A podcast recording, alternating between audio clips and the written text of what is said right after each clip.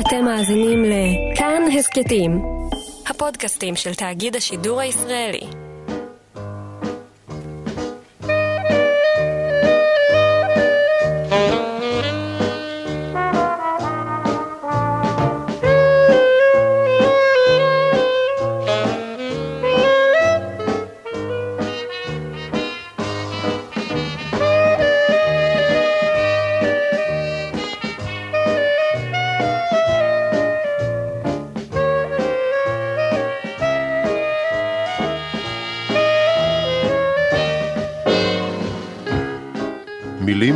שמנסות לגעת.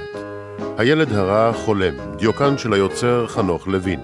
תוכנית שלישית ואחרונה. משתתפים יצחק חזקיה, הפרופסור שמעון לוי, עודד קוטלר, זהריר החריפאי, אלכס קגן, רות דר ורקפת לוי. מראיינת ועורכת רות קרן.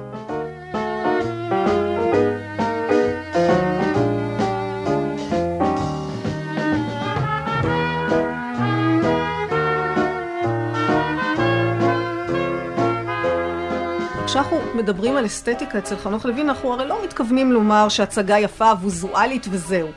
יש איזה רעיון מאחורי האסתטיקה שלו, יש איזה חוקיות, נכון? פרופסור שמעון לוי. זה הפער בין המסר החריף והמלוטש היטב והתמציתי, לפעמים מתיילד, לפעמים בוטה, לפעמים אה, עירום מהתייפייפויות. אה, מוגדרת אצלו השפה כשרירית מאוד, כשלודה אפילו כמעט. אה, לעומת כל ה... לא כל, אלא חלק מהסממנים הנוספים, שזה מוזיקה מתוקה, זה צבעים בהירים לעיתים קרובות, לא תמיד, אבל לעיתים קרובות, ואני חושב שעל ידי זה נוצר מתח שמפרה את שני הצדדים.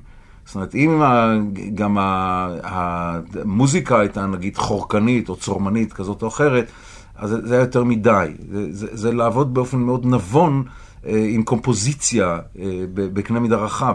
אני חושב שזה מה שנותן ללוין להיות במאי אה, חשוב. זאת אומרת, האיזונים בין השפות השונות של התיאטרון. שזה ביחד יוצר את המסר. ומה זה עושה לנו רגשית? כשאנחנו אומרים שהכיעור אצל חנוך הוא עולה לערך אסתטי. כי אם, אם היית לוקחת טקסט מתוק ונותנת לו מוזיקה מתוקה, אז היה יותר מדי. אם היית לוקחת טקסט חריף ונותנת לו מוזיקה מתוקה, זה עושה משהו ש... השילוב הקודם לא נותן. הרבה מוזיקאים עבדו עם לוין במשך השנים, זוהר לוי, בני נגרי, פולדי שצמן, זיכרונו לברכה, שעבד עם לוין על הרבה הפקות שנים רבות, יוני רכטר, ואלכס קגן, שבאמתחתו הלחנה לשבע הפקות של לוין, בימים אלה נמצא כאן בארץ, ואנחנו שוחחנו איתו על המפגש שלו עם חנוך לוין. אלכס, אתה בעצם המוזיקאי הראשון שעבד עם חנוך על היצירה הראשונה שלו לקהל. ב"את ואני והמלחמה הבאה", ובקטשופ, יחד עם בני נגרי. איך היה המפגש שלך עם הטקסט הבוטה הזה, עם חנוך לוין עצמו? אני מכיר את חנוך כבר עוד, עוד קודם, אנחנו היינו ביחד בצבא, וכבר במסגרת הצבא ניסינו להלחין כן, ולכתוב כל מיני יציאות קטנות, שירים, בתולים של חנוך. אז לכן שההיכרות הייתה טבעית יותר, היינו גם חברים.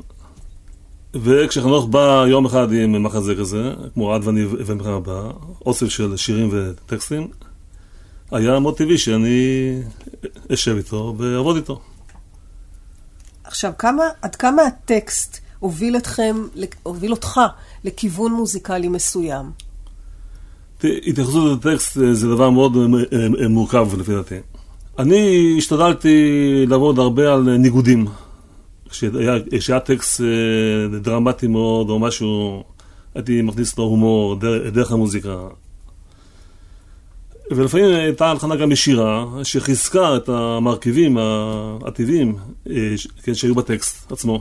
כשאתה כתבת מוזיקה לסאטירות, למחזות ולמחזות הלוקאליים, ליעקבי וליידנטל, לנעורי ורדלה, לשיץ, לפופר, הפטריות, בהסתכלות פרספקטיבית, יש איזה קו מוזיקלי מקשר בין ההפקות שאתה יכול לאפיין ולומר, כתבתי מוזיקה לוינית?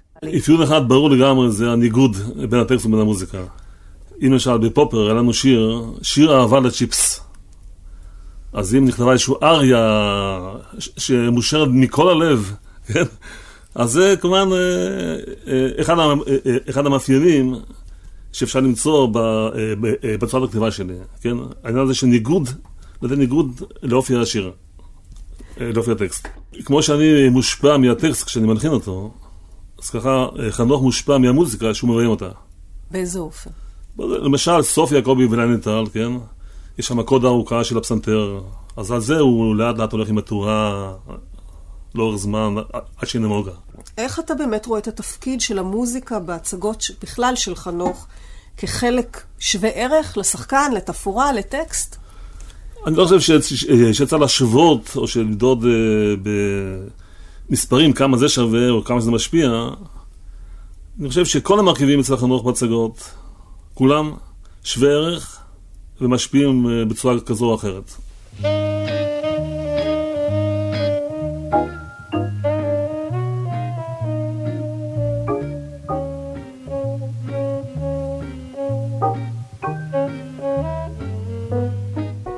והנה כמה צלילים, מוזיקה שהלחין אלכס קגן להצגה נעורי ורדלה. אנחנו נזכיר לכם בהזדמנות זו שאתם מאזינים לרשת א' של כל ישראל, תוכנית מיוחדת על חנוך לוין.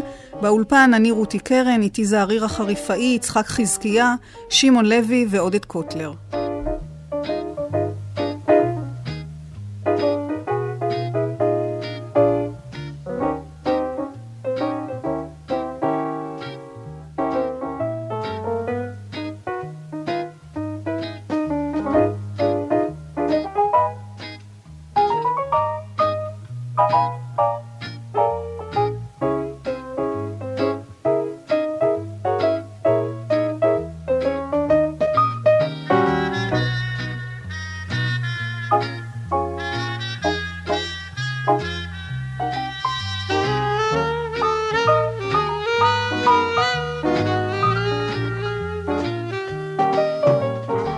במשך השנים לוין הלך ושכלל את האמצעים האסתטיים שלו. ההצגה האחרונה, השכבה, היא פיוט אסתטי צרוף עד כאב, הייתי אומרת.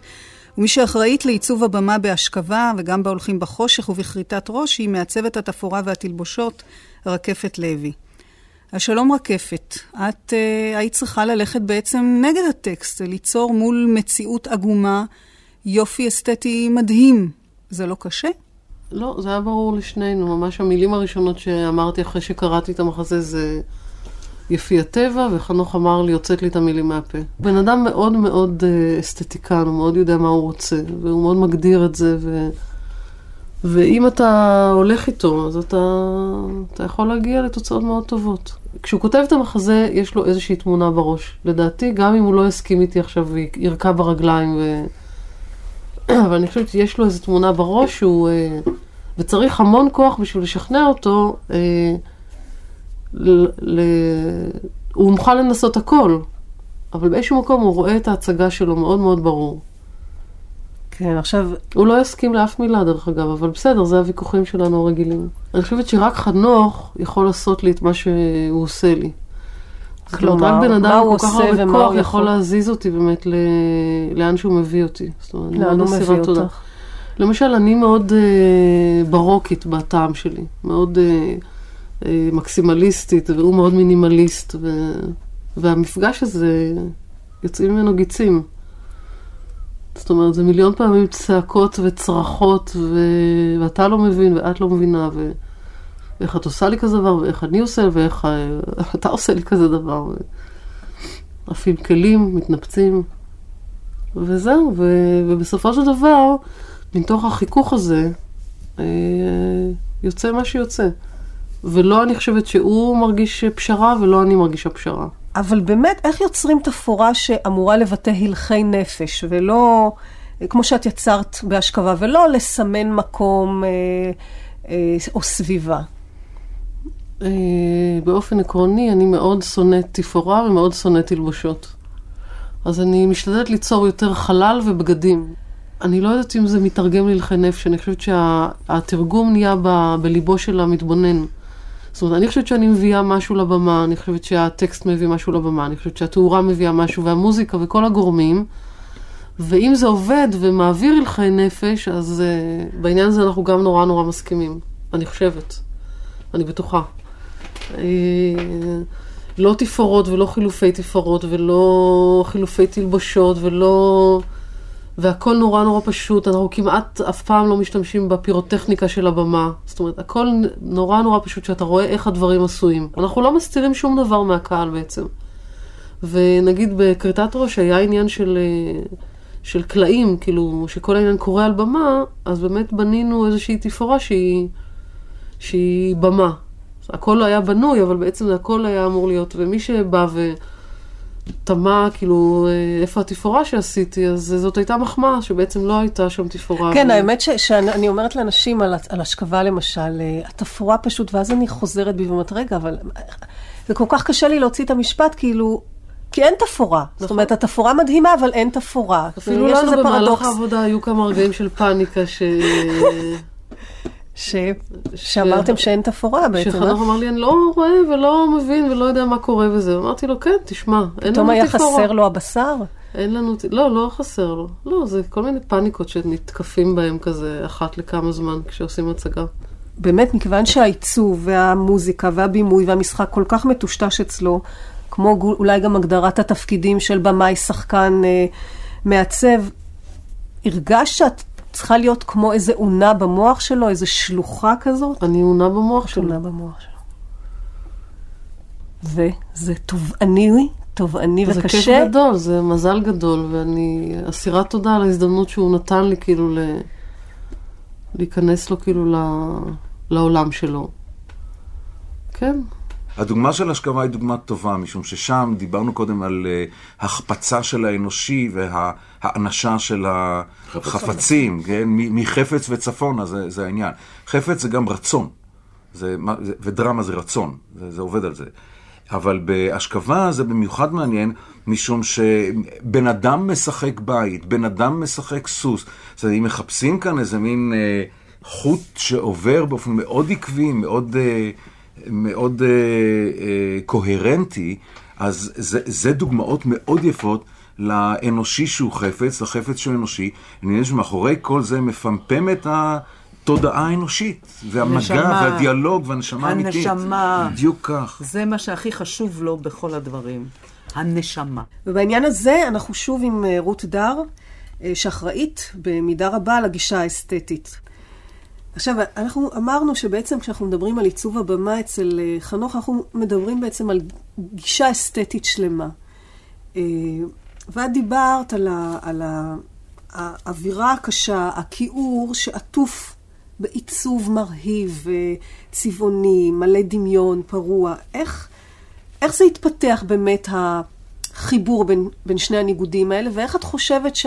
הדבר הזה, החיבור המסוים הזה, שהוא באמת כל כך מיוחד לחנוך, יש לו את האימפקט על קהל. שני מחזות שזה באמת קרה, וזה קרה לפי דעתי מפני שהאימפקט היה כל כך קשה, ומכיוון שהוא נחת עליהם לא בבת אחת על הראש, אלא בהתגנבות. זאת אומרת. מכיוון שלמשל בהוצאה להורג, שזה מחזה מאוד מאוד אכזרי, אבל מאוד מלא רחמנות ו- ו- וחמלה, ו- ונורא מרגש, בעיניי אחד המחזות המרגשים ביותר שלו. אני שם הייתי יושבת בחזרות וממש בוכה. אבל אם היינו מראים את זה ישר כמו שזה, שבעצם חלק מזה הראינו, כי הראינו שם שקורטים לבן אדם רגליים וידיים והכל היה על הבמה. כלומר, זה נעשה עם המון דם, אבל הדם הזה היה מוקף במין החברה ה... האיומה הזאת שעושה את כל הדברים האלה הייתה חברה מאוד אלגנטית ומאוד מאוד מפוארת ומאוד אסתטית, מאוד אסתטית. כל המעשים האיומים שהם עשו, הרצחניים האלה, נעשו על ידי אנשים מאוד אסתטיים, שאתה לא היית מאמין שהגיעו בדם, וזה עושה פידבק להמון דברים שקרו בהיסטוריה, אני לא רוצה לה... אבל איך אתם באמת הגעתם ל... ל... לקוד הזה שחזר על עצמו. כי זה חלק ממחשבה מסוימת, ש, ש, שאם אתה מראה את הדברים, אה, אתה מראה אותם, לא דוחף אותם בכפית לקהל, אלא נותן אותם בצורה, אה, בצורה הזאת, זה משפיע הרבה יותר חזק. ההלם הוא יותר חזק, מכיוון שאתה לא מצפה מכאלה אנשים שיעשו את זה. אם אתה רואה אנשים כאלה כבר על הבמה, אתה יודע מה שהם יעשו. אין, זה, זה, אתה צריך למצוא את הדבר שהכי מביר את הרעיון. זו הייתה החלטה מראש, או שזה משהו שהתגבש ככה, התבקש, לתת איזה כ... מין קונטרפורט כזה? זה, אתה, מפני שאנחנו ישבנו ודיברנו, ואז אמרנו, מה, נעשה אותם אה, ככה, אז, אז מה נשאר? נשאר סתם אנשים אכזריים שיושבים על הבמה ועושים... ונראים אכזריים. כן, ו- ואז בסדר. אין שום, בסדר, אז אתה יודע מה לצפ, לצפות מהם, אבל אם הם באים, וגם המוזיקה הייתה שם מלאכית לגמרי. שזה מה שבאמת היה, כל ההיסטוריה רצופה ב- ב- בתופעות כאלה. שזה מה שאתה, אומרת נאצים, שהיו כל כך... אה, קיץ' אה, ומוות. לא, הם היו כל כך אה, אינטלקטואלים ותרבותיים, ושמרו קונצרטים, והלכו לזה, ובסך הכל מה הם עשו, וזה בדיוק מה שרצינו להראות. ואז הכל נורא נורא יפה, והמוזיקה כל כך יפה, וכל כך מלאכית, ובינתיים חותכים ידיים וחותכים רגליים.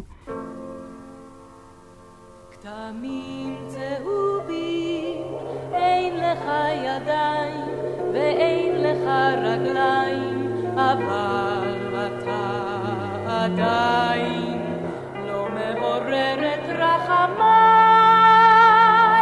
אולי מפני שאני לא חשה שבאמת חסר לך דבר מה.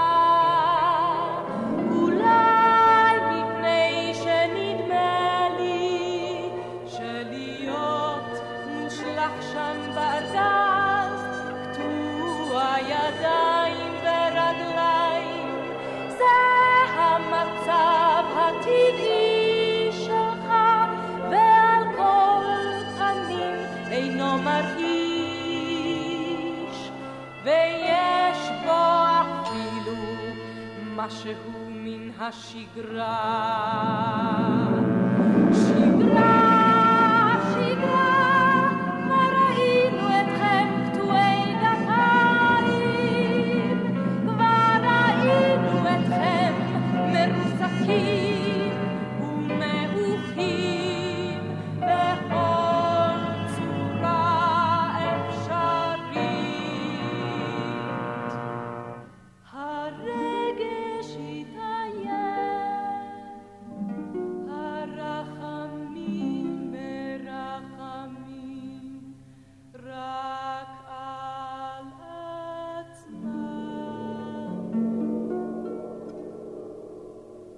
כן, הקהל עמום, הרבה אנשים יצאו באמצע כי לא יכלו. זה היה גם נורא בקרבה לכל... אה, עם כל מלחמות ישראל, וכל אנשים, קשה להם היה לעמוד בעסק. אותו דבר בזונה הגדולה מבבל, שהכל היה מאוד מאוד אסתטי. אבל מה, שהיו, מה שקרה, הוא היה גם מאוד קשה. אישה בישלה את הילד שלה בשביל להגיש אותו בתור ארוחה לאבא. אבל זה היה כל כך יפה, שעד שזה נוחת עליהם, זה... בינתיים, השלב הזה, זה, הם בולעים את זה, זאת אומרת, אחרת הם היו אולי בורחים עוד קודם. אבל לא לשם כך זה נעשה, אלא זה באמת הרעיון שמאחורי, שהדברים האיומים יכולים להיות מאחורי חזות מאוד מאוד יפה ורכה.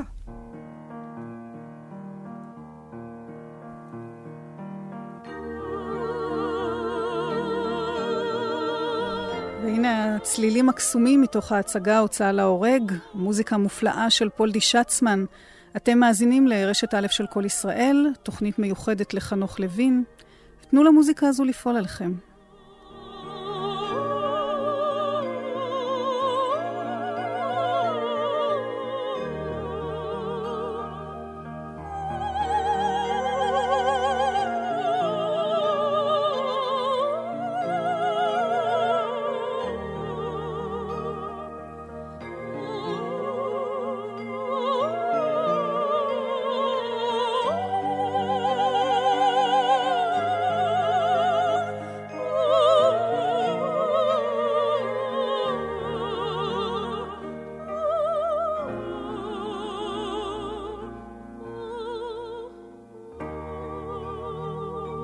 אז רגע, הוא מקסים אותנו, הוא מסנוור אותנו, הוא מפתה אותנו ללכת איתו, כי בדרך אחרת אולי אה, נברח?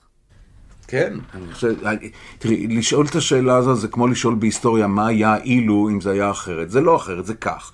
עכשיו אפשר להתייחס לזה ולבדוק את זה. אבל יש טוענים שהאסתטיקה הכל כך מוקפדת שלו מחפה בעצם על היעדר דרמה, על טקסט שטוח. מסכימים? אני לא. אני לא חושב שיש מישהו, איזה מבקר ספרותי ש- שיסכים עם דבר כזה. יש פער מכוון בין מסרים קשים ביותר לבין עטיפות מתוקות, מאורגנות, שאם אם אתה לא קולט את המסר, אז בסדר, היית מחזה נחמד.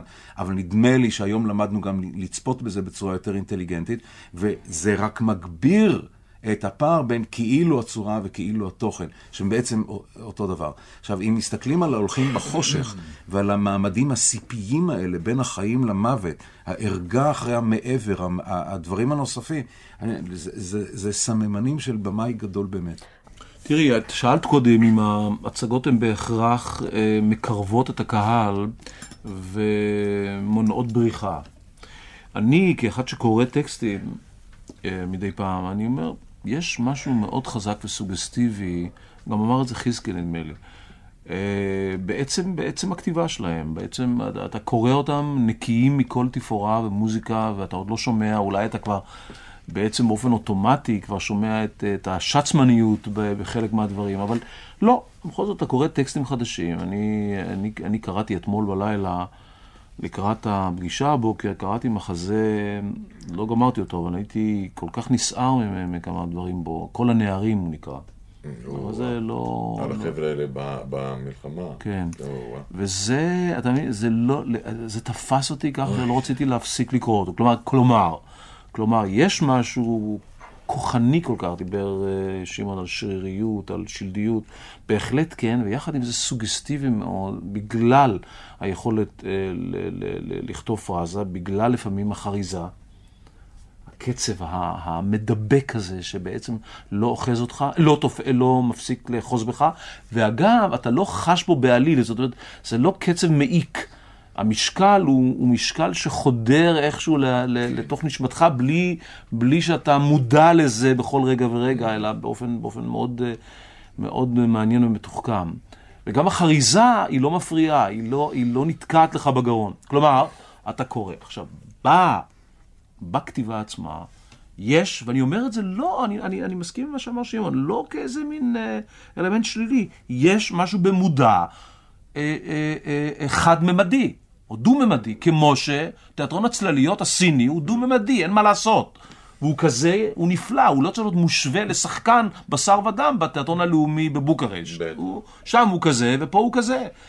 יש משהו חזק בכתיבה השטוחה הזאת, שבעצם מציירת ומעגלת עיגולים ועושה קליגרפיה מאוד מאוד מיוחדת. כי אה, עוד בדיוק בעניין הזה, כי היא תובעת גם מהשחקן וגם מהקהל לעבוד יותר קשה. נכון מאוד. בדיוק. זה בדיוק כן. דווקא? בדיוק, בדיוק. העבודה היא יותר קשה. את אמרת את זה. עכשיו, אנחנו מדברים על השפה שלו, יש טו- שממש אומרים שהוא, שהוא מחדש את השפה. אני רוצה משהו כן, להגיד זה בעניין. השפה. אני כן. זוכרת שנתקלתי בזה, במיוחד בהתחלה. אני אמרתי שהוא מוציא מילים מהאינטרסול. שכבר שמו אותם באריזה, מזמן לא השתמשו בהם, נטיות שמזמן לא השתמשו, והוא פתאום, פתאום. והוא פתאום מביא אותם בחיבור עם פה מילה מהסוג הזה וכאן מילה מהסוג הזה, ונוצר משפט ראשוני בעל כוח בלתי רגיל. זה... עכשיו, זה נורא מעניין, אני דיברתי איתכם, חיסקי ואיתך זערירה, לפני התוכנית, דווקא אתם השחקנים שמתם את הדגש דווקא לא על היצירות לתיאטרון, חיסקי, אתה הפנית אותי למערכונים למשל, כן. ואת זערירה, לשירים. כן, ואת זערירה אמרת לי, ואת השירים קראת, אז ככה, בוא תגיד חיסקי, מה, מה, למה המערכונים דווקא? לא, תראי, גם השירים כמובן, אני, אני, זאת אומרת, המערכונים שלו הם פשוט גניאליים, זה, זה, זה, זה מערכונים נפלאים, אחד יותר טוב מהשני. אני רציתי, שכחתי... גניאליים זה גם מילה מהאינטרסול.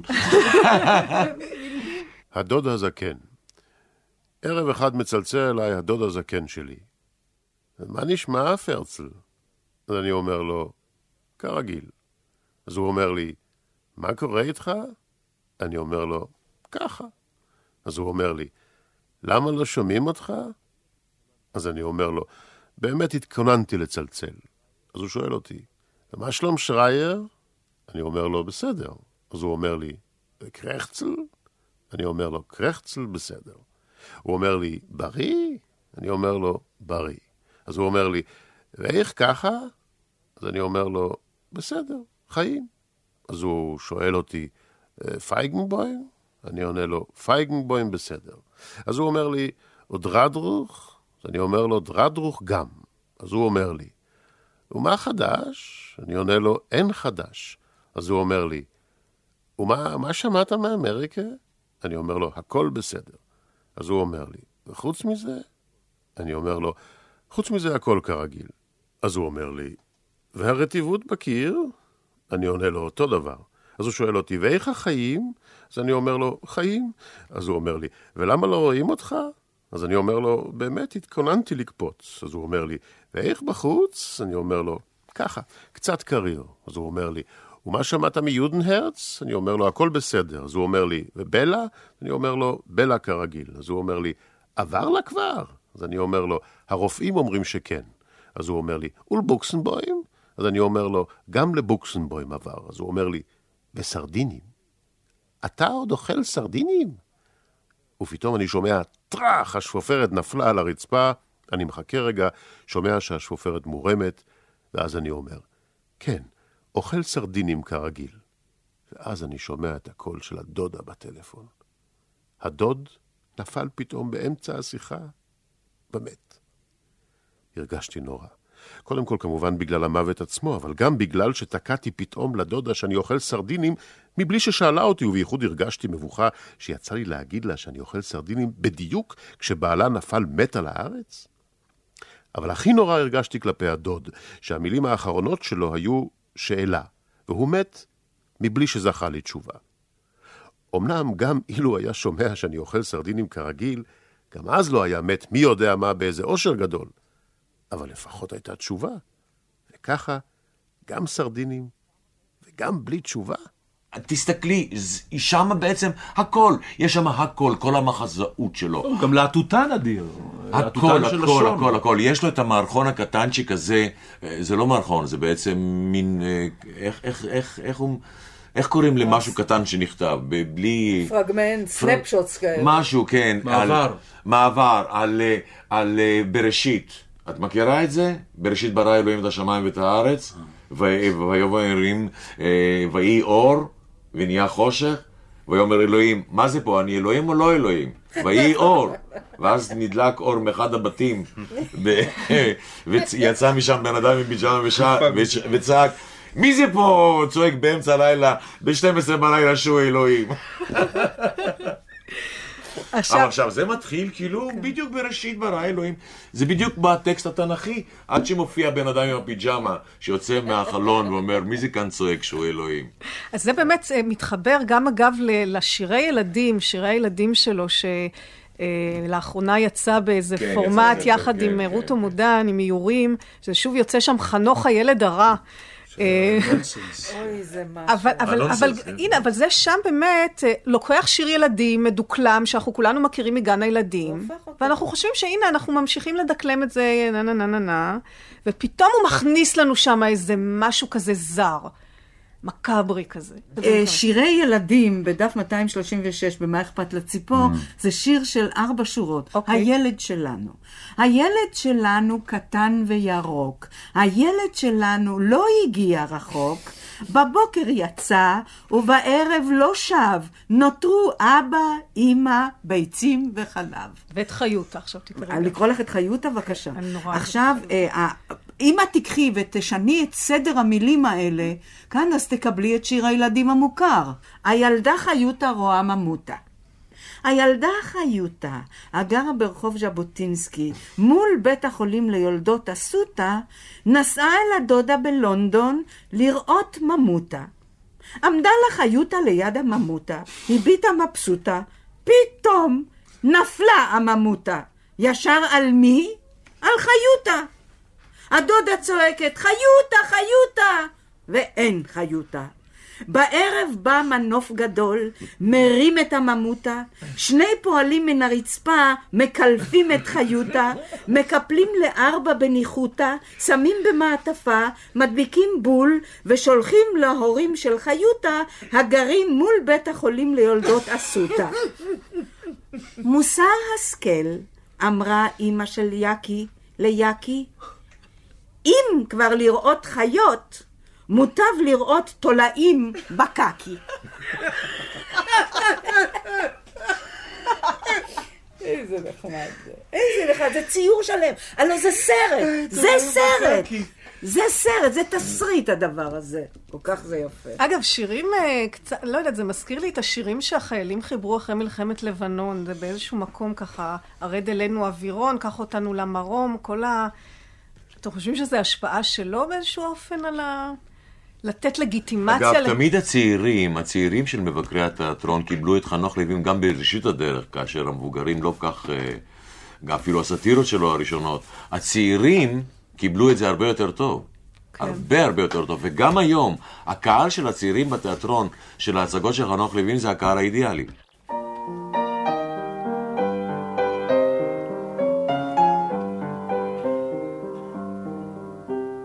פעם בעודני ילד ראיתי במכנסיי כפתור כאשר פתחתי אותו מצאתי תחתיו ציפור. ציפור קטנה רטובת מקור. ילד היא אמרה לי אני אביא לך את האושר הכי גדול. אחר כך נעשיתי נער, ליטפתי בלילות את הציפור. היא פרסה כנף כל הלילה רוטטת מכוח עצור. את כל תקוותיי תליתי בציפור. ילד היא אמרה לי, אני אביא לך את האושר הכי גדול. ציפור מכנסי השבת שלי, ציפור תחתוני המתוחים, זמיר מנגינות הלילות שלי, דרור חלומותיי הנשכחים. אחר כך נעשיתי נער, וליטפתי בלילות את הציפור, והייתי מוצא לטרף פה חור, ושם איזה חור, והיא נקרא ללא מצור. נער היא אמרה לי, אני אביא גדול. עברו ימים, הזדקנתי, נעשתה קצת עייפה הציפור. פה ושם היה כבר צורך להושיט לה יד ולעזור. לפעמים היא הייתה נרדמת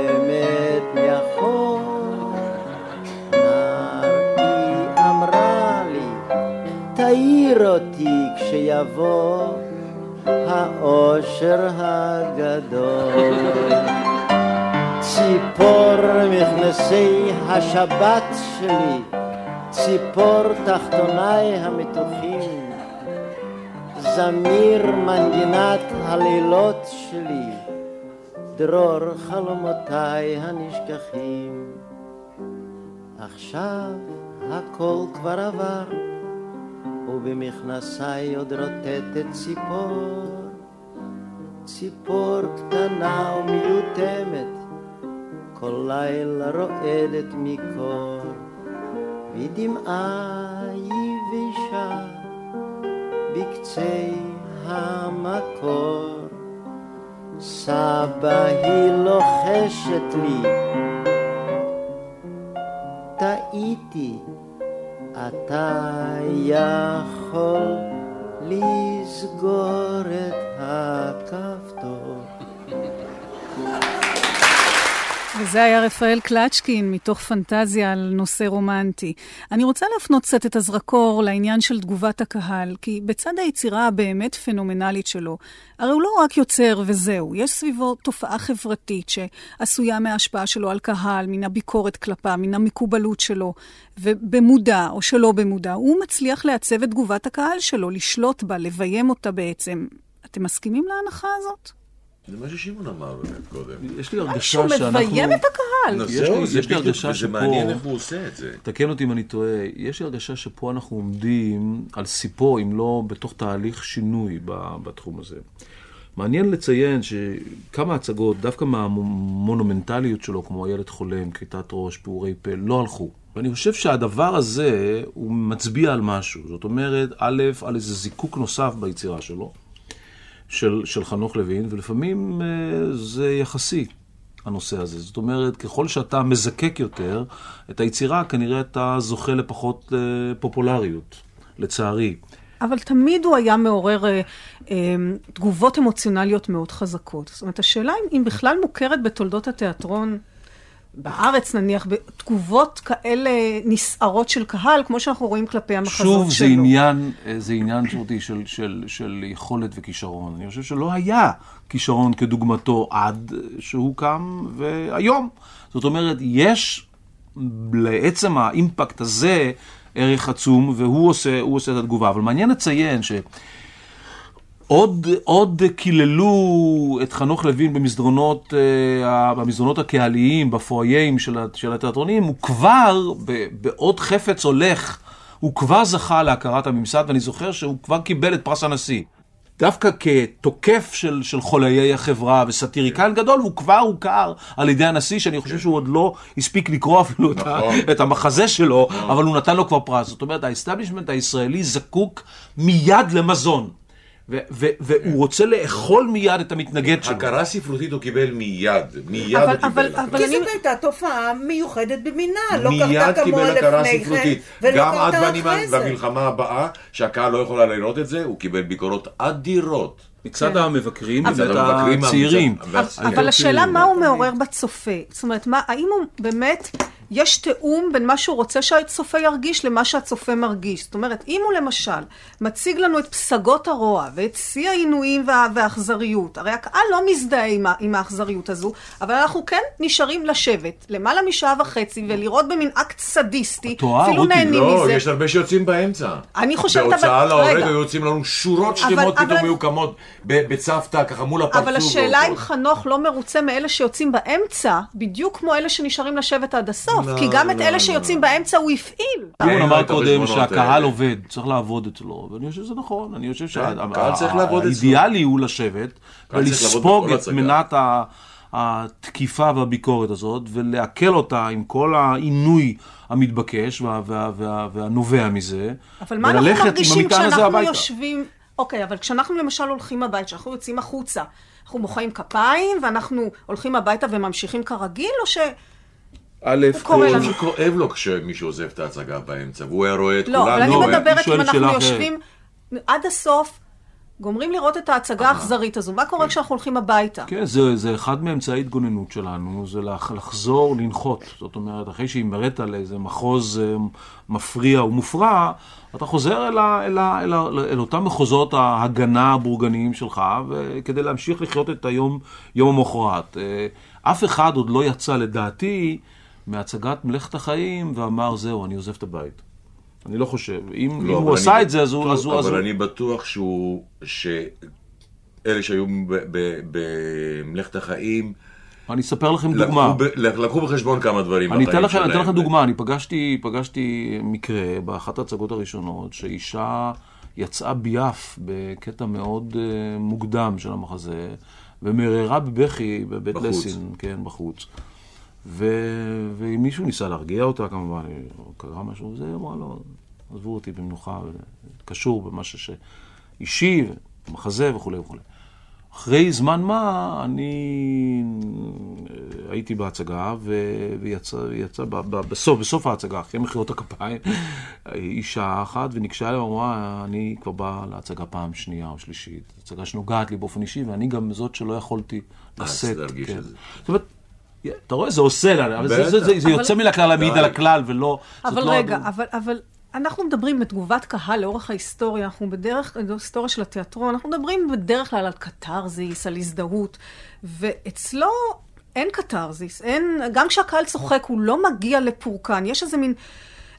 מה- למה קהל ממשיך לבוא ולשבת בתחושה מודעת שהוא הולך להיות נתון בחרדה ובבלבול? אני הצלחתי להבין את המושג קתרזיס הפעם הראשונה בחיים שלי כשעבדתי עם חנוך לוין. פתאום הבנתי מה זה קתרזיס בתיאטרון. דווקא. דווקא אז, כן. כי, כי הדרישות שלו, וכל המהות שלו, וכל הסיטואציות של המחזות שלו, והדרישות שלו מהשחקן, ומה אני צריך, ל, ל, ל, לאן אני צריך להביא את עצמי. אז רותי. אני, אני הבנתי מה זה קתרזיס. רותי, האפלה, האפלה הגדולה שמצויות מצויה, מצויות בה הדמויות של אה, צ'כוב, הן לא בהכרח מה שאתה יוצא איתו מההצגה. אתה יוצא מהצגות של צ'כוב עם הגבהה ועם התרוממות נפש, משום ההערה הגדולה האנושית. ואותו דבר אתה, אתה גם, אה, לדעתי, במחזות של חנוך, אתה כן יוצא עם תחושה של הגבהה והתרוממות תמיד נפש. קתרזיס, תמיד.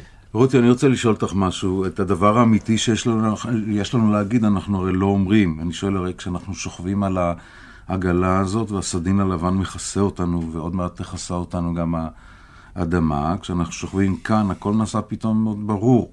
מה היה טפל, מה העיקר. ברור לנו שהיה משהו אחר להגיד, ואנחנו לא אמרנו. בזבזנו, לעסנו וירקנו, ולא אמרנו. אלוהים, אתה נתת לנו את ההלוויות כדי להזכיר לנו את חיינו. עשה שלא נשכח את העגלה הזאת והסדין הזה גם בין ההלוויות. אז אני אומר, כשקוראים דבר כזה, אז כל מיני תיאוריות, ואני, את יודעת, אני לפעמים גם בא מהאקדמיה, תעזבי קתרסיס, מה אנחנו יודעים מה באמת עושה חנוך לאנשים? אני חושב שהוא עושה להרבה אנשים הרבה, כי אחרת לא היו ממשיכים לבוא. בטח. זאת אומרת, אבל כאילו, השאלה הזאת, מה אנחנו עושים בין ההלוויות, ומה אנחנו עושים בין ההצגות של לוין שמדברות על הדברים האלה?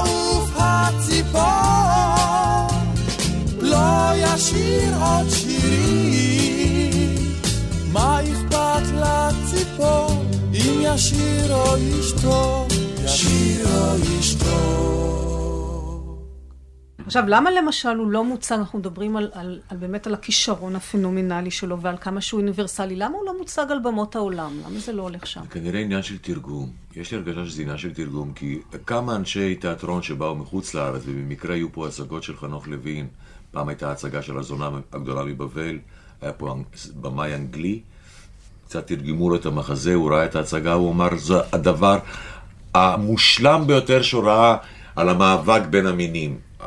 זה, או למשל, אה, אה, עוד איזושהי הצגה, והיה פה במאי זר, ואמר שזה, אה, כן, סטרוע, שראה משהו שלו, לפני שהוא ביים את זה. הוא אומר, אני ראיתי הרבה מחזאים, אבל אה, דבר כזה כמו חנוך לוין, אני לא נתקלתי. זה סגנון... אבל בגלל אותה סיבה שהוא עצמו, אגב, שהוא במאי ענק. כן, סטורה, נכון, כן. במאי כן, במאי כן, נפלא. ואין כמותו, הוא נכשל בכך שהוא, אה, מכורח ה... כן.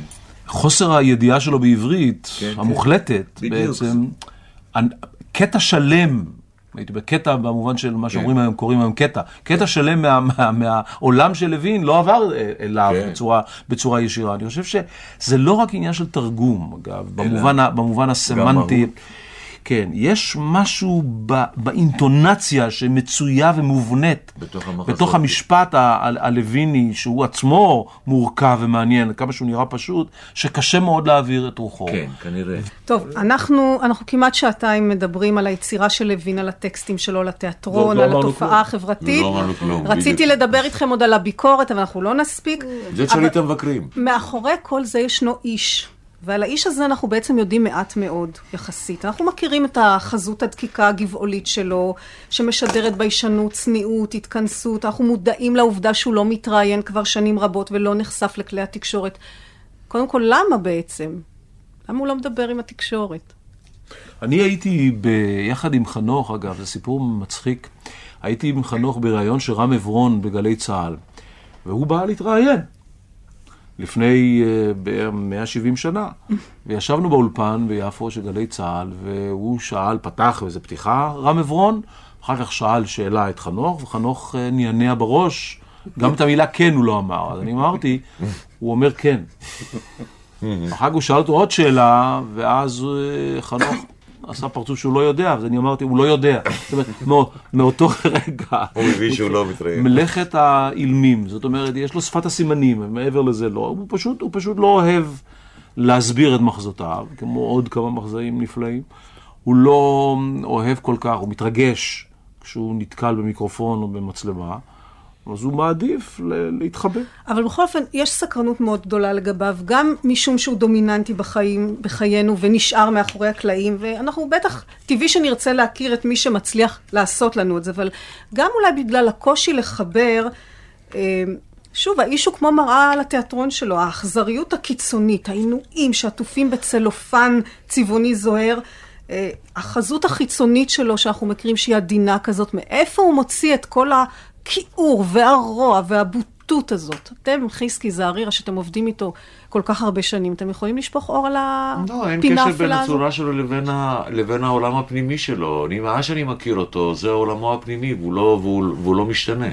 וזה אדם שכותב הרבה מאוד, והוא גם עושה המון המון המון המון המון ניסיונות. הוא כותב המון, המון. אני חושבת שהרבה פעמים דווקא אנשים שבאים ממחוזות נורא פגיעים ונורא רגישים, בוחרים אולי לפעמים להשתמש בפסאדה של מילים והתנהגות בוטה שתרחיק אותך מהשבריריות הזאת. עכשיו, אני לא יודעת מה העולם הפנימי של חנוך, אני יכולה לתאר לעצמי. כן, ותרשו לי לצרף אל היושבים באולפן ואל חנה רוט, טכנית אמנם, אה, גם את יתר האורחים שנשזרו במהלך שלוש התוכניות שלנו. הנה כל אחד וחנוך שלו. חנה רוט. יש במבט שלו כנראה ובהתנהגות שלו חיפוש. מין ברור לו וזה נותן אה, כוח, ואז אתה, כשאתה מרגיש מחוזק, אתה, כשאתה מרגיש גם מחוזק וגם שהוא נותן לך מאוד כבוד, בגלל שהוא הוא, הוא נותן לך הרגשה שהוא מאוד אוהב אותך. מה יש לדבר? הוא, הוא נפלא, הוא גדול. אלכס קגן. חנוך הוא אחד השותפים הנחמדים והכיפים לעבוד איתו. כי ברגע שהוא לוקח אותך לעבוד איתו, את פרטנר, את לא, לא מבצעת בשבילו. ויש לך אה, תחושה גמורה, וזה אה, יגידו כולם, מלחינים ושחקנים וכולם, הוא משתף פעולה, הוא חבר, ולכן אה, עבודה איתו היא מאוד מאוד נעימה ופוריה בדרך כלל, כי החומרים שלו הם מפרים, מפרים ומפרים. רותי דר. העבודה עם חנוך היא עבודה מיוחדת במינה, והיא ומביאה מביאה להרגיש את, ה, את הכיף הזה של, ואתה מבין פתאום למה אתה רצית לעבוד בתיאטרון, ולמה אתה עושה את מה שאתה עושה מתוך אהבה. ישראל גוריון. מה אני אגיד לך, חנוך זה אחת המתנות הגדולות לתיאטרון לתיאטרון העברי. רקפת לוי. אם הוא יקבל את הבמה שלו ואת הווילון שלו ואת הירח שלו, אני אעשה אותו בן אדם מאושר. וירח עושה אותו אדם מאושר. ירח, כן, הוא רומנטיקן פשוט חסר תקנה. ועץ כזה עם אה, ניירות זה- ורודים שנופלים. אה, קונפטי עושה אותו בן אדם. מאושר. היה המון קונפטי באשכרה, מאושרים, הוא נכון. פשוט רומנטיקן. פשוט בעיקרון, אה, הוא בעיקרון כזה, הוא צ'רלי צ'פלין והשמן והרזה. ו... וזהו, הדברים הכי הכי פשוטים בעולם של ילדים. אה, אני אוסיף אולי לסיום עדות קטנה שלי, ואני פגשתי את חנוך פעם אחת, שהייתי שוב, בתקופה שהייתי קשורה לתיאטרון, באתי לראיון אצלו לתפקיד של נער בכולם רוצים לחיות נדמה לי, אבל הייתי גבוהה מדי לתפקיד. ואני זוכרת שהוא צלצל אליי, והתשובה השלילית שלו הייתה כל כך חמה, וכל כך אוהדת, וכל כך נוטעת תקווה, יותר מכל התשובות החיוביות שקיבלתי אחר כך. אנחנו נסיים כאן שעתיים של תוכנית מיוחדת שהקדשנו לחנוך לוין. אנחנו נסיים במונולוג של בלה ברלו, מתוך סוחרי הגומי. אני לפני כן רוצה להודות לכל המשתתפים בתוכנית, ולכן כאן באולפן פרופסור שמעון לוי, יצחק חזקיה, עודד קוטלר וזר ירח הרפאי. המיקרופון של בלה ברלו. כמו הרגע ההוא אז בקומדיה לפני עשרים שנה, כשהאור באולם כבר כבה, והאור על המסך עוד לא נדלק, ואנחנו ישבנו בחושך וחיכינו בדומייה. כל הציפיות, כל החלומות מרוכזים בנקודה אחת, באפלה שממול. ואז נפתח מסך ישן בחריקה, אור צהבהב קלוש עלה על הבמה, ושלושה אנשים מסכנים עמדו שם על הקרשים למעלה עם קרטון וסמרטוטים, וטחנו לנו שם במשך שעתיים ארוכות את החיים שלנו. כאילו יש שם משהו שאנחנו לא יודעים.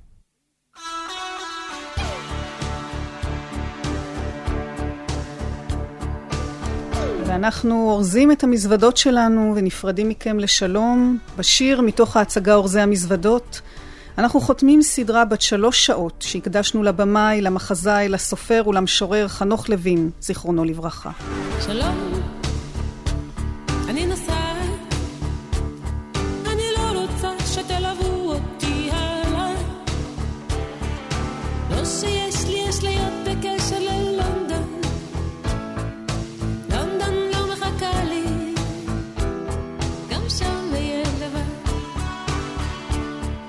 הילד הרע חולם, דיוקן של היוצר חנוך לוין, תוכנית שלישית ואחרונה. השתתפו זעריר החריפאי, יצחק חזקיה, עודד קוטלר, הפרופסור שמעון לוי, וכן חנה רוט, ישראל גוריון, רות דר, אלכס קגן ורקפת לוי. השתתף בקריאה גבי ינון, ראיינה וערכה רות קרן. עורכת התוכנית מבקשת להודות לשמוליק רפאלי על עזרתו, וכן לגברת קלרה שצמן ולאלכס קגן על ההקלטות וקטעי המוסיקה הנדירים. אבל בלונדון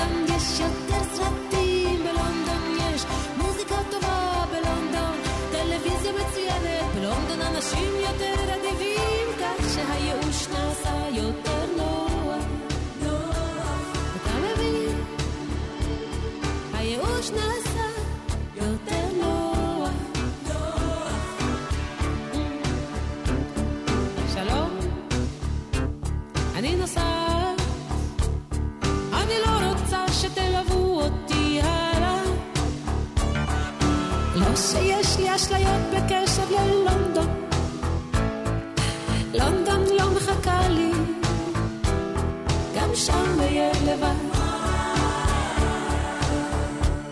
גם שם אהיה לבד. אבל בלונדון יש יותר סרטים, בלונדון יש מוזיקה טובה, בלונדון טלוויזיה מצוינת, בלונדון אנשים יותר אדיבים, כך שהייאוש נעשה יותר נוח. אתה מבין? הייאוש נעשה יותר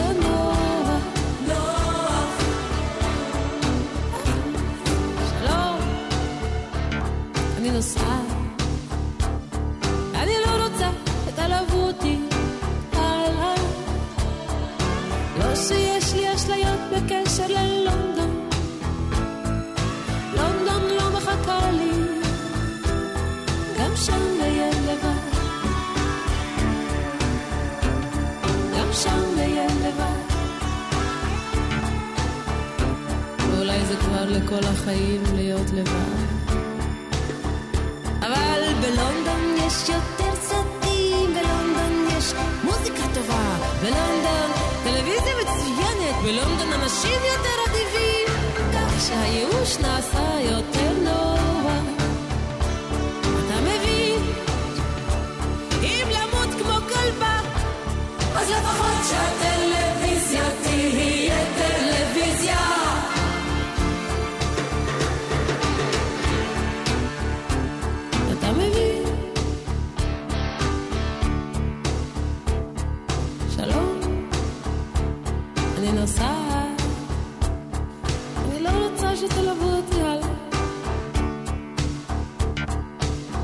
שיש לי אשליות בקשר ללונדון.